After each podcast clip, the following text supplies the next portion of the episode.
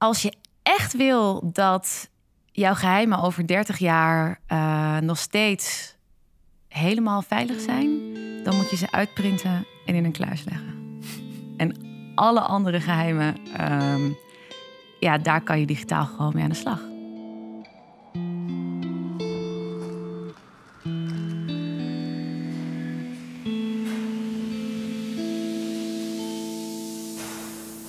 Sinds ik aan deze zaak ben begonnen, zie ik overal om me heen cybernieuws. Er was een grote storing in de beveiligingssystemen van de Amsterdamse metro. Er zijn Indiase afpersers die je foto's stelen en gebruiken voor pornografische deepfakes.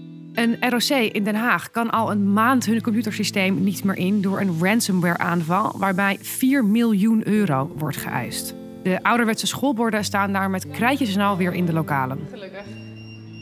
Dankjewel. Maar in mijn omgeving hebben we het hier eigenlijk nooit over. Als ik mijn vrienden bijvoorbeeld vraag hoe zij op persoonlijk vlak hun digitale veiligheid hebben geregeld, word ik glazig aangestaard en worden de schouders ongeïnteresseerd opgehaald. Terwijl een cyberaanval vele malen realistischer is om mee te maken dan een terrorismeaanval. Wij zeggen altijd tegen onze klanten: ga ervan uit dat je gehackt wordt op een tijd, op een moment tijd. En neem dan de juiste maatregelen, zodat je de juiste detectie ook hebt. Mijn naam is Liesbeth Rasker. Dit is aflevering 3 van Operatie Positron, de podcast van de AIVD. Welkom bij De Dienst.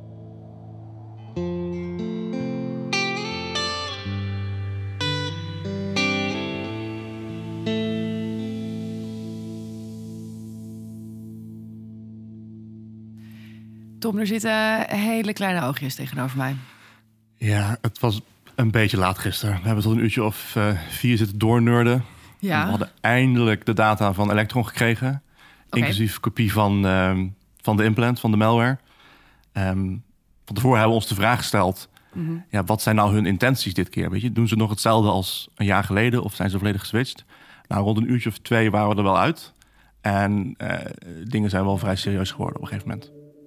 Want, wat, oké, wat, wat hebben jullie gevonden? Nou, we kwamen erachter dat er een extra module in de malware zat... die specifiek op zoek was naar de industriële controlesystemen bij Electron. En dat betekent eigenlijk maar één ding. En dat is gewoon dat ze echt op zoek zijn naar uh, de systemen die alle generatoren, alle switches, alles besturen. En dat doe je niet als je bedrijfsgeheimen wil stelen. Dat doe je als je een positie wil verwerven om misschien ooit dingen te saboteren.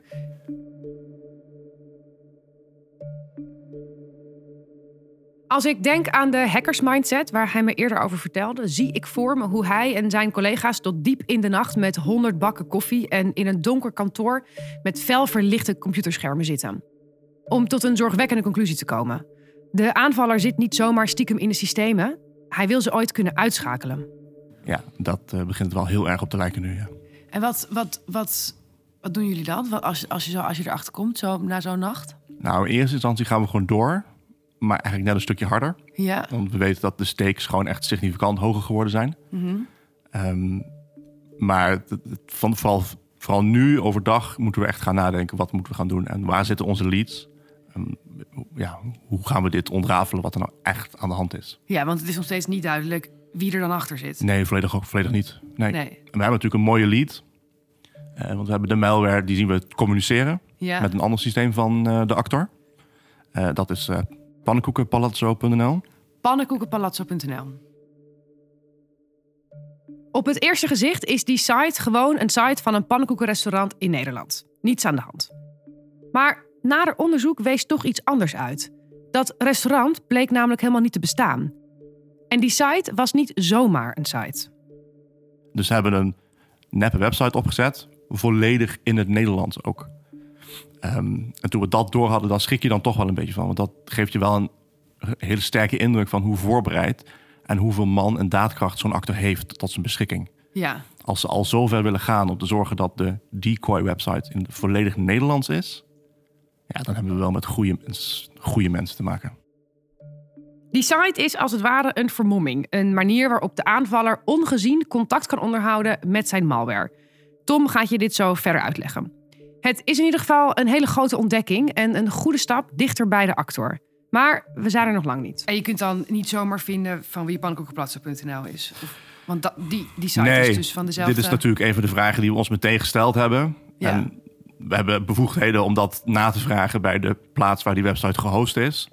Maar ja, in 99,99% van de gevallen krijg je dan eh, een fictieve naam terug in een fictieve locatie op een adres dat niet bestaat. En er is ook nog vaak betaald met bitcoin, dus Dat is niet een route waarbij je, waarbij je bij het einde komt, bedoel je? absoluut niet. Nee. Nee. Het aanschaffen van deze infrastructuur op een anonieme manier is eigenlijk best wel simpel. In dit geval staat het waarschijnlijk in Nederland, zodat, omdat ze willen dat de communicatie naar die website minder opvalt bij Electron. Ja, Want het is niet zo raar als een medewerker van Electron naar een pannenkoekenrestaurant website gaat om een tafeltje te reserveren voor die avond bijvoorbeeld. Dat valt niet zo erg op. Dus je wil een Ah. beetje blenden in het normale netwerkverkeer bij Electron BV. ja want dat, dat wordt natuurlijk in de gaten gehouden. En ja, oké. Zeker, ja. Er zit Ja. ook gewoon een security team achter. Ja. Eh, Met die mensen hebben we nu ook goed contact hierover.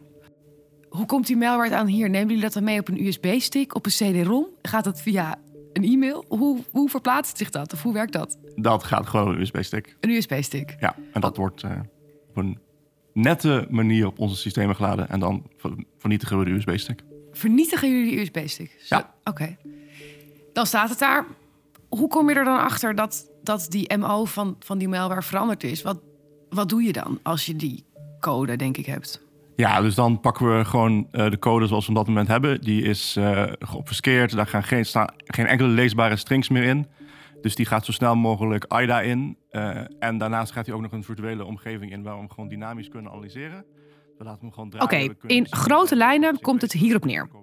Op de USB-stick staat de malware zoals die is gevonden bij Electron.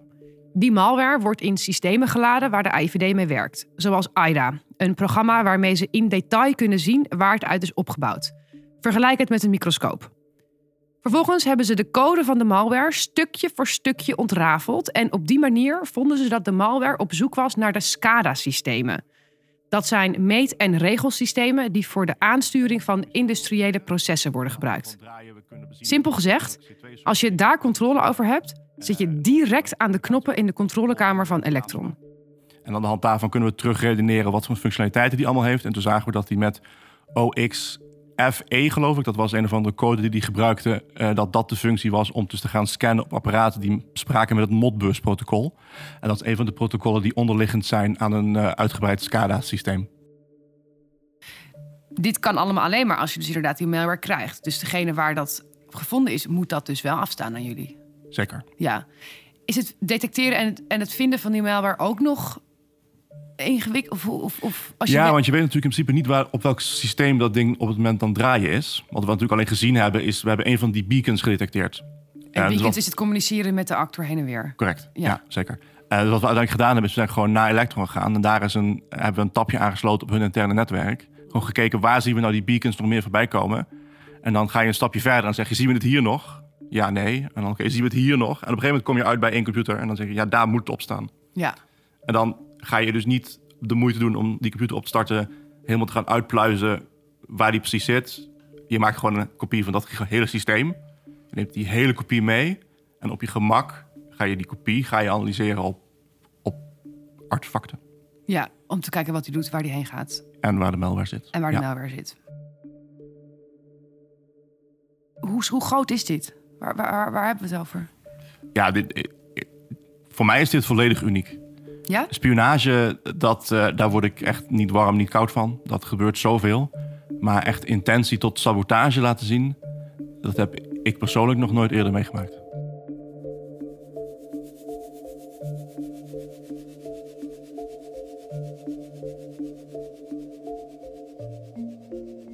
En wat, wat, eh, wat gebeurt er dan op een afdeling? Nou, mensen worden vooral, en dat is altijd een beetje cru, vooral heel enthousiast. Ja? Want als we iets nieuws hebben en iets nieuws gevonden hebben, dat betekent dat we aan de bak mogen. En ja, daar worden wij gewoon heel blij van. Ja. Eh, maar daarnaast ook gewoon een heel serieuze toon aanhouden. En zeker bij onze analisten, omdat het nieuw is en omdat het een best wel het hoge potentie tot gewoon gevaarlijke situaties. Ik bedoel, Ja. stroomuitval in Nederland, de consequenties zijn gigantisch. Ehm, daar moet ook heel goed nagedacht worden over wie gaan we hierover informeren en hoe gaan we dat doen. maar ook zo volledig mogelijk. Ja, En dat is onze taak. Ja, Want als bewerkers moeten wij zorgen dat we al die informatie gaan zien te vinden. ja. En zit je dan ook al meteen na te denken over... oké, dan gaat het dus nu echt over sabotage. Welke partijen hebben daar belang bij? Wie moeten we dan... Oh ja, nee, absoluut. In je achterhoofd gaat meteen draaien. Hebben we dit eerder ergens gezien in een Ja. andere context? Kennen we partijen die dit soort strategieën toepassen? Waarom doe je het nu? Zover ik weet zijn we niet in een oorlogssituatie verwikkeld. Dus zijn mensen positie aan het opbouwen voor toekomstige scenario's wellicht. Allemaal ja. dat soort dingen. Die hele molen gaat echt nu draaien. Ja. Kijk, gelukkig het, een klein eh, lichtpuntje in deze donderwolk. Het is niet zo dat deze systemen van deze energiemaatschappijen dusdanig fragiel zijn dat één hackertje dat hele ding kan omgooien. Nee. Er zijn echt heel slim mensen die over die, de design van die systemen nagedacht hebben. Er zijn meer laagse beveiligingen ingebouwd. Maar dan nog, er zal maar een foutje zijn. Er zal iemand maar een kabeltje getrokken hebben waar het niet hoort. Ja, Ja, en de hackers hebben tijd. ja. Die gaan gewoon rustig hun werk doen. Oké, dus we hebben die malware, die zit erin. Die is gevonden. Er is gebleken dat die niet alleen op spionage zit... maar ook waarschijnlijk op sabotage. Omdat hij zich richt op bepaalde systemen bij Electron... die zich bezighouden met, ehm, nou ja, basically dat de machine aan blijft staan. Dat is exact wat het is. Ja. Wat doe je dan nu? Je hebt die hele nacht gehad. Je komt erachter dat de zaak toch, toch wel, nou, wel, wel, wel serieuzer is dan dat je denkt. Maar ja, die server die, die leidt sowieso tot een dood spoor. Want daar zitten allemaal fake aliases achter. Zeker. Wat, wat, wat nu? Nou ja, we moeten op zoek gaan naar het, het ene kleine liedje wat we hebben. Ja, En dat is toch echt pannenkoekenplatsen.nl. Want ho- hoewel we uit registratiegegevens waarschijnlijk niks interessants gaan vinden, ja, die website draait wel nog gewoon. ja. En dat geeft ons wel mogelijkheden. De vraag is dan natuurlijk, welke mogelijkheden? Dat ga ik vragen aan Joey. Hij is jurist bij de dienst. Ja, we noemen dat eh, juridisch adviseur operatie en inlichtingen. Dus eigenlijk ben ik operationeel jurist. Dus ik, ben, ik adviseer verschillende teams, waaronder ook een cyberteam. Joey is een jonge gast die strak in het pak tegenover me zit. En ik vraag hem hoe hij hier terecht is gekomen. Ik werk hier nu bijna twee jaar. Ik heb natuurlijk rechten gestudeerd. En nu is het niet standaard dat er bijvoorbeeld in een rechtenstudie de WIF, de Wet op de Inlichting en Veiligheidsdienst, centraal staat. Ja, En dat, dat zie je niet vaak terug. Nu heb ik daar toevallig zelf wel voor gekozen. Ehm, richting mensenrechten, nationale veiligheid. Eh, en ik dacht tijdens mijn master, goh, hoe werkt het eigenlijk in Nederland? Hoe voeren zij hun bevoegdheden uit om Nederland veilig te houden?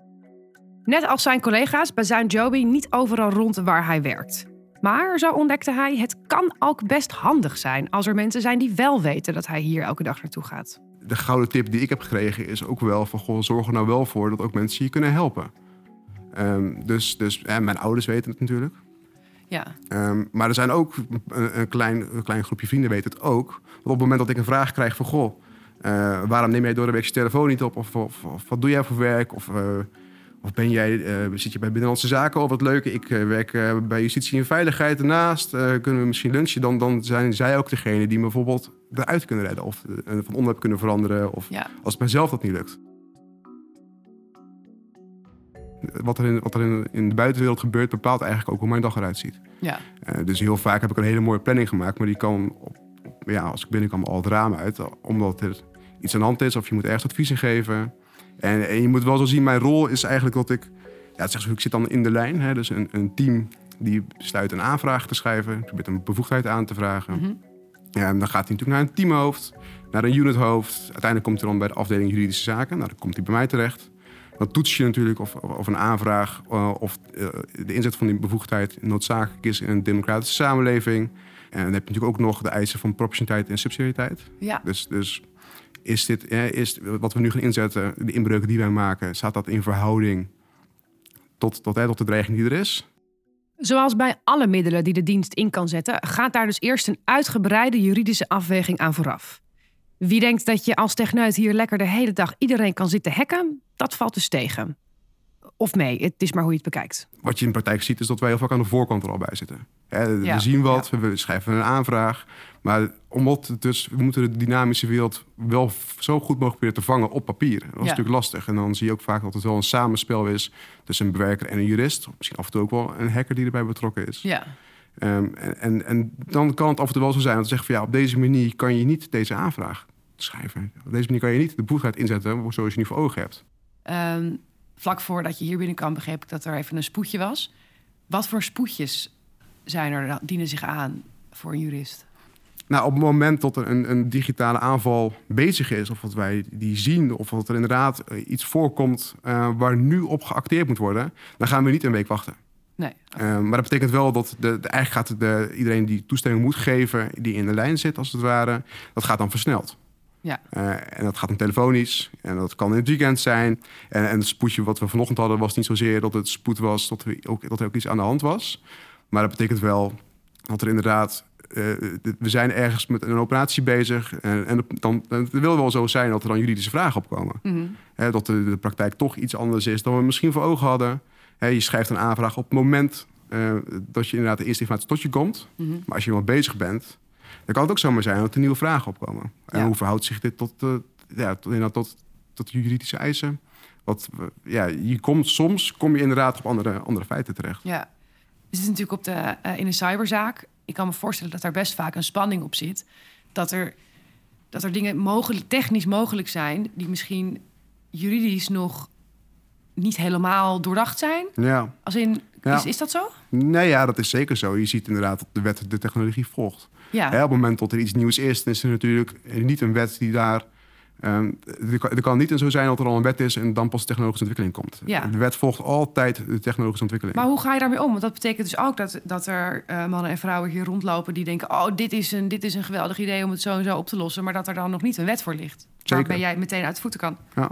Nou ja, wat, je, wat, wat de wetgever hier wel voor ogen heeft gehad met de, met de WIF, is dat die technologie onafhankelijk geschreven is.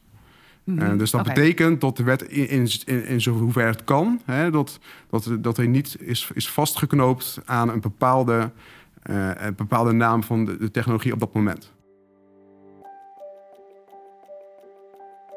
Dit is ook de reden dat veel van de termen zo omslachtig zijn. Hacken bijvoorbeeld noemen ze binnendringen in geautomatiseerde werken. Maar goed, terug naar de case. Want ik wil weten of onze zaak inmiddels ook een spoedtelefoontje zou kunnen opleveren. Dat zou wel kunnen, ja. Ja, want nu is dus duidelijk geworden dat die malware zich niet alleen op spionage richt, maar waarschijnlijk ook eh, zich richt op sabotage. Dan, dan, wordt het een, dan is het een serieus verhaal. Ja. ja, in beide gevallen natuurlijk. En dit is natuurlijk nog wel een, een stapje erger. Ja, Staatfactoren of inderdaad de, waar de digitale aanval vandaan komen, dat, dat gebeurt steeds vaker. ja. En dat betekent ook dat als wij inderdaad een belletje krijgen, kan op verschillende manieren. Het kan zijn dat de informatie tot ons komt van, eh, van een andere partij die zegt: Goh, er gebeurt iets op dit IP-adres. Het kan zijn dat inderdaad eh, een vitale infrastructuur in Nederland eh, wordt aangevallen en dat wij inderdaad met hun in contact staan. Het kan ook zijn dat wij zelf iets zien. Op dat moment eh, gaan wij meestal wel de spo- spoedprocedure in. Want dan gaan we natuurlijk niet een week wachten. hè. We gaan Nee. niet de cyberdreiging, de cyberaanval een week laten voortduren voordat wij toestemming hebben. Nee, dan hebben wij een concrete dreiging waarin het echt noodzakelijk is in onze democratische samenleving om daarop te acteren. Mhm. En dat is hier dus ook het geval. En dan, als dit op zaterdag gebeurt, dan zou het inderdaad zomaar kunnen zijn dat, dat ik dan ook gebeld word, omdat ik ook een van de personen ben eh, die de toets uitvoert, eh, de juridische toets uitvoert, voordat iets naar de, de minister gaat of onze directeur-generaal of naar de tip inderdaad. ja. Wat zijn mijn opties in deze cyberzaak? We hebben artikel 45. Dat is eh, onze hackbevoegdheid. Daar zitten we het binnendringen in geautomatiseerde werken. Mhm. Eh, je hebt eh, artikel 54, dat is het, het, het, het opvragen van een kopie van een server. Hè? Dus als iemand bijvoorbeeld een, een server huurt bij, bij een hostingpartij en vanuit, vanuit die server een aanval initieert of in, in een keten van verschillende servers zit die, die ofwel ons aanvallen of onze bondgenoten, dan zouden we daar een kopie van kunnen ophalen. Je hebt natuurlijk artikel 47, waarin je in een CT-casus een microfoon kan plaatsen of zijn telefoon kan afluisteren, heeft dat hier niet zoveel zin. Maar wat we wel kunnen doen, is een, een gerichte tab aansluiten op een server om te kijken wat voor stromende data er heen en weer gaat. Een hoop verschillende wetsartikelen en een hoop opties die we moeten gaan afwegen. Ik vraag Joey wat hij van de zaak vindt. Dit is wel, eh, wel zorgelijk. Ja. Dit is ook wat, wat, eh, wat je ook wel steeds vaker, ook vanuit de AIVD, eh, naar voren ziet te komen, is dat dreiging naar deze sectoren echt wel wezenlijk is. Ja. Wij zouden volgens de artikel 73 zouden wij een maatregel mogen treffen om bijvoorbeeld de server waar de aanval vandaan komt te verstoren of uit te schakelen. Oké. Ehm, en dat is wel heel wat. Ja? En eh, ja, alleen dat is natuurlijk best wel makkelijk gezegd. Eh, in praktijk. Het is niet zo dat wij hier een knop hebben waar je ITP-adres kan invoeren en op verstoring kan drukken. Dat zou heel makkelijk zijn natuurlijk, maar dat, dat is het niet. Dus je hebt een, een hele moeilijke situatie waarin je altijd voor jezelf moet afvragen van goh, op het moment dat wij deze server kunnen uitschakelen, is het natuurlijk maar de vraag of het ook echt gaat lukken. Uh, maar is het ook wenselijk? Want als er vanuit meerdere servers een aanval plaats kan vinden op onze vitale infrastructuur en we schakelen er één uit omdat wij denken dat dat degene is waar het vandaan komt, dan ben je misschien één je zicht kwijt en de avond gaat nog door. En ze weten in ieder geval dat wij ervan weten. Nou, advies zou wel zijn om in deze wel. Uh, want we zijn natuurlijk begonnen met, met, uh, met informatie van Electron zelf. Uh, op dat moment moet je heel duidelijk voor hebben wat is jouw doel van je onderzoek nu. Nou ja, in ieder geval zorgen dat die systemen niet uitvallen, lijkt me. Dus die malware die is dus nu geanalyseerd en dat die ook dus op sabotage gericht is, dat moet je voorkomen. En toch zo snel mogelijk weten waar dit vandaan komt. Ja, ja. Ja, dus, dus daar zou je altijd beginnen met, een, met het aanvragen van een artikel 54 om te weten wat er op de server gebeurt. Als je tenminste hebt gezien waar het vandaan komt. Ja. Um, nou ja, we hebben informatie gekregen van Electron, dus we weten waar dit dan vandaan komt. Ja. Uh, en dan kan je een kopie van, van die server kan je ophalen. Het aanzetten van een tab is ook altijd um, wel aangeraden ook. Om ja. te weten wat komt er nou vandaan. En zien we bijvoorbeeld andere infrastructuur die daar hier met deze server communiceert. De volgende zet om dichter bij de aanvallers te komen is dus bijvoorbeeld een kopie te maken van de server om te zien wat daarop gebeurt. Maar we zouden ook die server kunnen gaan tappen. Het lijkt me ook wel handig om met uh, het MBV uh, nog even contact, contact, te zoeken. Want zij zijn hier wel degene die de contacten onderhouden met onder andere de vitale infrastructuur uh, in Nederland. Oké. Okay. Um, dus, dus die contacten daar, die, ja, die staan ruimschoots aanwezig. En die vitale infrastructuur zoals bedrijven als, als Elektron. Ja, zeker. ja, ja. ja. Ik ga dus praten met iemand van het NBV. Dat staat voor Nationaal Bureau voor Verbindingsbeveiliging. Dit is een onderdeel van de IVD waar advies wordt gegeven over de bescherming van gegevens bij de overheid. Daarnaast beoordelen ze ook de producten die worden gebruikt voor de uitwisseling van staatsgeheimen, die, zoals je kunt begrijpen, aan de hoogste standaarden moeten voldoen. Zij hebben bijvoorbeeld de Tiger-telefoon ontwikkeld, een telefoon waarmee bewindspersonen veilig staatsgeheimen kunnen bespreken. Rutte heeft er ook eentje in de laan. Het NBV is trouwens ook bekend, of ik moet zeggen berucht, vanwege de openbare en enorm populaire IVD kerstpuzzel die ze ieder jaar publiceren. Ik weet niet of je die wel eens hebt geprobeerd te maken, maar zelf struikel ik al bij de eerste opgave. Maar goed, op naar het NBV. Um, welke naam gebruik ik voor jou? Ellen. Ellen. Ellen dus. Ze legt uit wat haar baan inhoudt. Uh, ik ben adviseur uh, dus ik adviseer uh, overheid, maar ook vitale sectoren en um, topsectoren over uh, hoe ze om kunnen gaan met statelijke dreiging. Okay. En nou ja, dus bijvoorbeeld dit soort aanvallen. Sectoren waar Nederland niet zonder kan. Vroeger waren het, was het vooral het beveiligen van onze internetverbindingen door middel van cryptografie. Dus dat is het versleutelen van je netwerkverkeer, zodat niet iedereen mee kan lezen. Mm -hmm. Um, inmiddels uh, zijn we eigenlijk een van de onderdelen van de dienst die zich bezighoudt met de C-taak, uh, zoals wij dat noemen. Dus eigenlijk de weerbaarheidsverhoging. En uh, wij bij het MBV doen dat voornamelijk op het gebied van cyber. Mm -hmm. maar je ziet dat we dat toch wel steeds vaker met onze collega's, die wat veel meer op de fysieke beveiliging zitten, samenwerken. Omdat cyber en fysiek ook steeds minder gescheiden is. Op welke manier? Uh, nou, bijvoorbeeld uh, de casus. Um, Electron is een uh, energieleverancier of een, een, bedrijf in de energiesector. Um, als die door een cyberaanval platgelegd wordt, dan heeft dat implicaties voor misschien wel de stoplichten. En als de stoplichten uitgaan, dan krijg je ongelukken, dan krijg je files. Mensen kunnen niet meer naar huis komen, mensen kunnen niet meer naar de supermarkt hun kinderen niet meer ophalen. Dus het heeft zeg cyber en fysiek is al lang niet meer zo gescheiden als dat uh, van oudsher was. Over het algemeen ben ik bezig met mijn klanten. Dus wij krijgen vragen vanuit de verschillende sectoren of vanuit het Rijk over um, hele specifieke technische vragen. Bijvoorbeeld over hoe je veilig kan telefoneren of videobellen. Um, dus ik ben bezig met ofwel het voorbereiden van dat soort sessies, uh, ofwel bezig met juist het schrijven van een advies voor mijn klanten. En Electron bijvoorbeeld, um, zo'n klant, benaderen jullie dan hun of, of zij jullie? Of hoe komt zoiets tot stand? Beide. We hebben um, wij, maar de dienst aan zich heeft een uh, groot aantal accountmanagers die zich eigenlijk uh, zoveel mogelijk hun tentakels uitspreiden door de hele samenleving. Dus dan heb je het over het bedrijfsleven lokaal, je hebt het over het Rijk, je hebt het over grote uh, bedrijven, vitale sectoren. En uh, dus daar hebben we over het algemeen al goede contacten mee. Mm -hmm. En op het moment dat wij een dreiging zien, en dat zit natuurlijk vooral aan de inlichtingenkant, dan, uh, dan gaan we daarheen. Bijvoorbeeld een uh, incident zoals deze casus.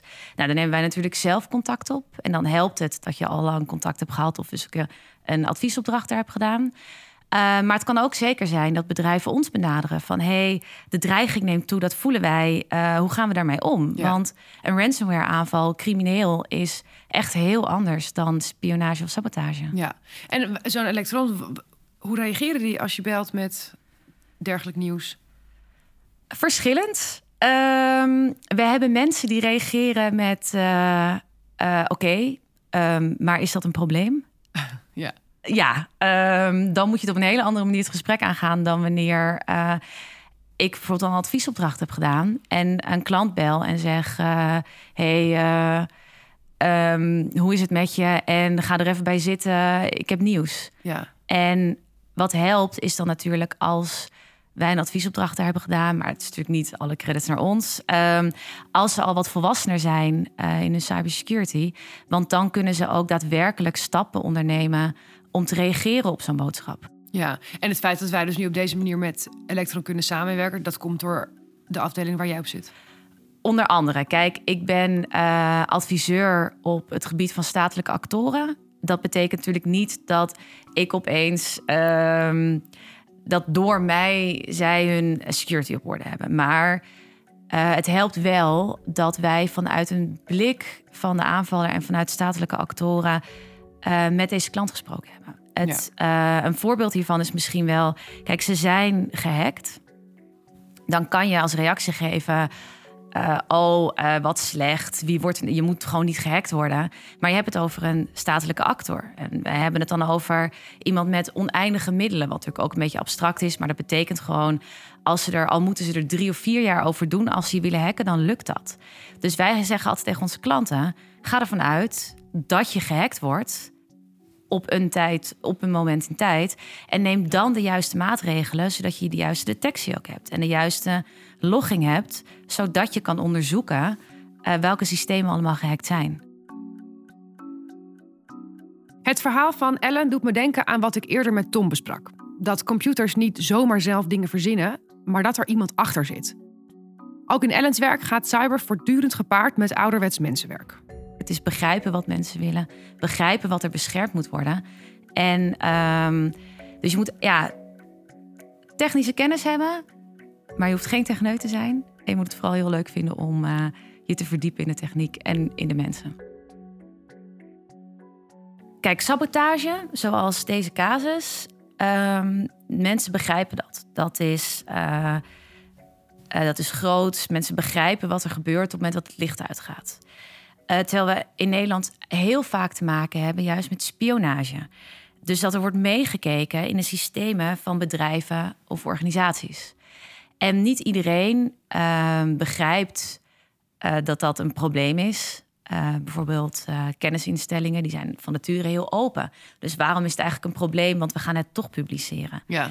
En dus dat. En mensen vinden het vooral heel lastig om te beseffen dat ook zij uh, mogelijk een target zijn. Dat wat zij doen voor andere landen dusdanig interessant is dat iemand over de schouder mee wil kijken.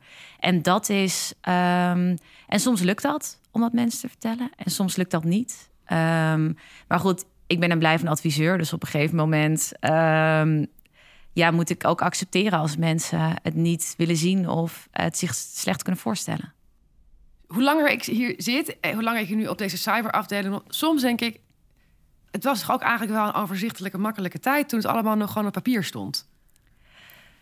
Klopt. En als je echt wil dat jouw geheimen over 30 jaar uh, nog steeds helemaal veilig zijn, dan moet je ze uitprinten en in een kluis leggen. En alle andere geheimen, um, ja, daar kan je digitaal gewoon mee aan de slag. Ja. Ja, dat, is toch, dat, is toch, dat vind ik toch een rare realisatie. Dat het allemaal veiliger veiliger wordt, maar tegelijkertijd ook dus in principe zit er altijd ergens een klein gaatje in.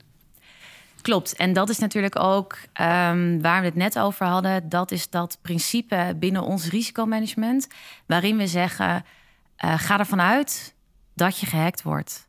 Uh, en neem daar je maatregelen op. Zorg dat je je beveiligingsmaatregelen zo ingericht zijn dat je er daarmee om kan gaan. En een voorbeeld daarvan is bijvoorbeeld um, als jij inlogt uh, op je, je, e-mail of je computer en je hebt uh, vijf keer je wachtwoord verkeerd uh, ingetikt, dan wordt je account geblokkeerd.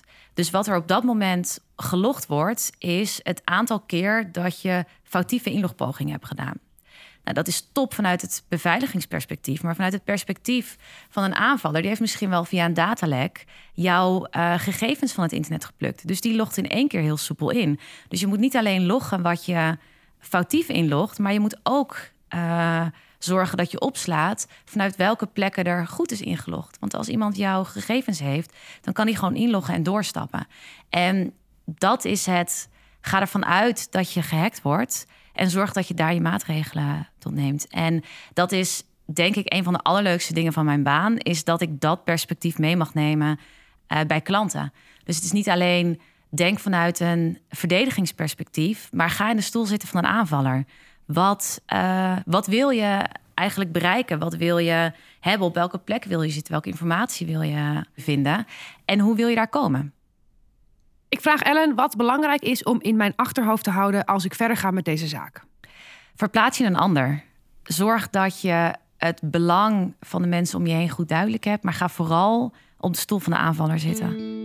Wat wil de aanvaller? Waar is de aanvaller mee bezig? En hoe gaan ze daar komen? Ja.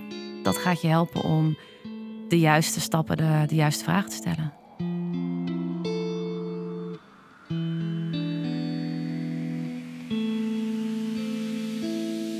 Ga ervan uit dat je gehackt wordt en print al je grootste geheimen uit. Mijn vader heeft een opschrijfboekje waarin hij al zijn wachtwoorden in een zelfbedachte codetaal heeft opgeschreven. En deed ik daar altijd een beetje lacherig over. Eigenlijk heeft hij dus gewoon een hartstikke veilig systeem voor zichzelf. Nadat ik met Ellen heb gepraat, loop ik snel terug naar Tom. Om te bepalen welke stappen de zaak nodig heeft. Heb je een doel in je hoofd waar je naartoe zou willen werken nu? Of wat je nu graag zou willen weten? Um, ja, ik, ik wil gewoon heel graag weten wie het doet. Maar ik geloof dat dat, dat, niet, dat, dat helemaal niet is het pad waar ik op zou moeten. Uh, ik, die vraag is, is nu nog gewoon niet te beantwoorden. Nee, precies. Het is wel een pad waar we echt in, in, in lange termijn echt wel heen willen en gaan werken.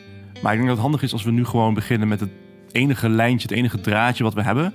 En daar maar eens aan gaan trekken en kijken wat eruit komt. Ja, ja en je wilt natuurlijk weten of dit, uh, of dit het enige is wat ze aan het doen zijn. Absoluut. Binnen en Electron. Zeker, binnen Electron. En ook op dat uh, pannenkoekenpalazzo, die C2-server die we hebben gevonden. Ja. Dat is het, het feitelijke, feitelijke draadje dat we nu hebben. Ja. ja. Of daar nog meer mee communiceert. Ja. Want we zien alles vanuit het perspectief van Electron BV nu. Maar we hebben nog niet eens kunnen vaststellen of Electron BV het enige slachtoffer is. Of dat er nog veel meer slachtoffers zijn wellicht. Dat, dat die optie ligt er ook nog. Zeker, ja. Die is absoluut niet uitgesloten. Ja, dus je moet... Ja, wat moet je dan eigenlijk? Wat, wat, wat, wat is dan de stap? Hoe, hoe ga je erachter komen? We gaan tappen. Ik zou willen voorstellen om de website pannenkoekenplatzo.nl artikel 47 te schrijven en daar al het verkeer van te gaan tappen. Om te kijken wie communiceerde er met die server. Um, je, we weten dat de implant bij Electron BV moet communiceren. Nou, logischerwijs moet de actor ook op een of andere manier met die server communiceren. En dat geeft ons wellicht weer een stapje verder om zeg maar, die keten waar je zo graag heen wil. Wie doet het om die te gaan bewandelen? Uh, en we kunnen kijken of we al andere slachtoffers zien. Dus dat is wat er gaat gebeuren. We gaan tappen. Niet een telefoon, zoals vorig jaar, maar een server. Zodat we te weten kunnen komen welke informatie waarheen gaat, in kaart kunnen brengen of er nog meer slachtoffers zijn en hopelijk weer een stapje dichter bij de dader komen. En als je nou zelf de uitdaging aan wil gaan en dus wil laten zien hoe goed je bent in het kaf van het koren te scheiden, dan is alle data te vinden op operatiepositron.nl. Veel succes!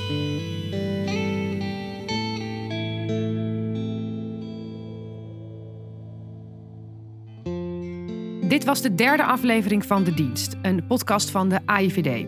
Gepresenteerd door mij, Liesbeth Rasker, en geproduceerd door het podcastkantoor in samenwerking met Werkmerk. Abonneer je nu, zodat je niets van dit nieuwe onderzoek hoeft te missen. En laat ons vooral weten wat je van deze serie vindt in een recensie in je favoriete podcast-app.